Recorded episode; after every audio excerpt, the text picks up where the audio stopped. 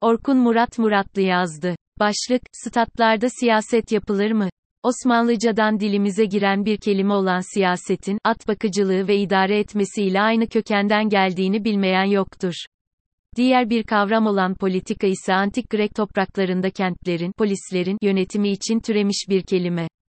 Siyaset kelimesinin kültürümüzde bir hakaret gibi kullanılan bir kavrama dönüşmüş olmasının altında da aslında Osmanlıcadan dilimize geçiş şekliyle bağlantısından dolayı olduğu çok açık. Kelime aslında politika ile aynı kavramı açıklamak üzere seçilmiş olmasına rağmen köken itibariyle insanların haklarını ve hukuklarını idare etme işini at terbiyeciliğine benzetmesi elbette ki Osmanlı'daki devlet ve insan ilişkilerinin hiyerarşisinden kaynaklanmaktaydı. Saray, toplumsal tabakaları değerlendirirken çevresinde imtiyaz sahibi olmayan tüm halkı, reaya olarak görüyordu.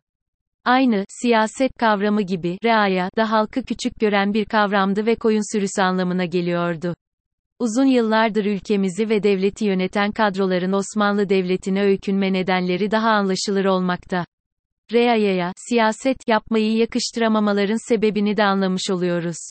Pandemi olduğunda, yangın çıktığında, deprem sonrasında, ekonomi bozulduğunda halkın tepkisine karşı, şimdi siyaset yapmanın sırası mı, ya da, bu koşullarda bile hala siyaset yapıyorsunuz. Tüm bu, siyaset yapmayın, söylemleri aynı dürtünün sonucu. İktidar ve yandaşlarının, siyaset yapmayın, baskısı ne kadar anlaşılmaz ise toplumun yaşam koşullarındaki bozulmaya, dayatmalara ve kötü yönetime itiraz ve isyanı bir o kadar anlaşılır ve haklıdır. Siyasi iktidar halkın itirazlarını görmek, duymak ve sorunları çözmek ile görevli olduğunu unutmamalıdır. Fenerbahçe ve Beşiktaş tribünlerinden yükselen hükümet istifa sesleri iktidar saflarında fırtınalar koparmış durumda.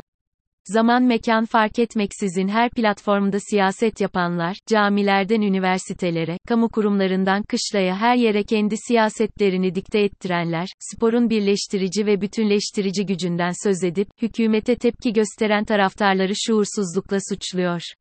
İşlerine geldi mi her yeri ve her olguyu politize eden iktidar, işine gelmeyen bir konu veya tepki geliştiğinde, siyaset üstü örtüsüne sarılıyorlar toplumun en lümpen, en apolitik kesimi olarak kodladıkları tribünlerden yükselen, hükümet istifa, sesleri hiçbir siyasi oluşumun yaratamadığı korkuyu yarattı. Maçların seyircisiz oynanması önerisinden, kulüplerden istifalara kadar giden akıl dışı tepkiler bunların sonucu.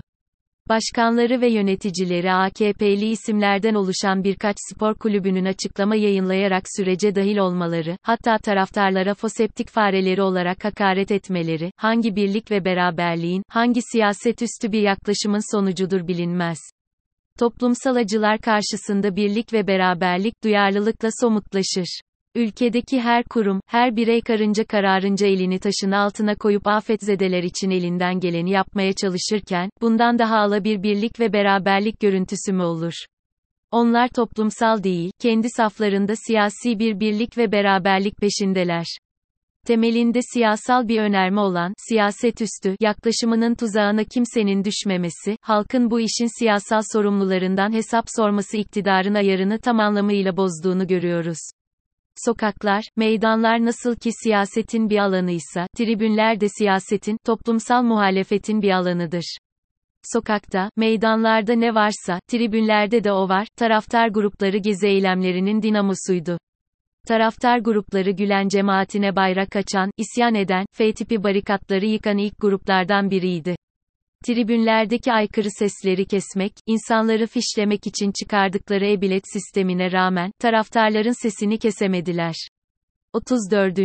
dakikada Ali İsmail Korkmaz Fenerbahçe yıkılmaz diye hep bir ağızdan tezahürat ettiler. Tribünleri her yer Taksim her yer direniş demekten alıkoyamadılar. 3 Temmuz sürecinden gezi eylemlerine birçok konuda tribünlerin toplumsal muhalefetin bir parçasıymış gibi hareket ettiklerini görmekteyiz. Öte yandan, İzmir Marşı'nı politik bir tepki olarak kodlayıp, tribünleri susturmaya çalışanları hatırlayınca, iktidar erkinin ve spor kulüplerinin yayınladıkları açıklamalardaki devlet ve millet birlikteliği vurgusunun dayandığı politik zemin çok daha iyi anlaşılıyor. Nokta. Ülkenin kurucusuna atıfta bulunmayı politik bulanların sıkıştığında tribünlerdeki muhalif sesleri itibarsız kılmak için sundukları argümanların hepsi sonuna kadar politiktir, sonuna kadar siyasidir. Tabii onların arzu ettikleri, apolitik, lümpen, iktidar erkinin hizasında saf tutan, siyaset üstü, bir taraftar kitlesi. Sadece tribünlerden değil, toplumdan beklentileri de bu yönde. Halbuki 12 Eylül'ün yarattığı depolitizasyon süreci çoktan ömrünü tamamladı.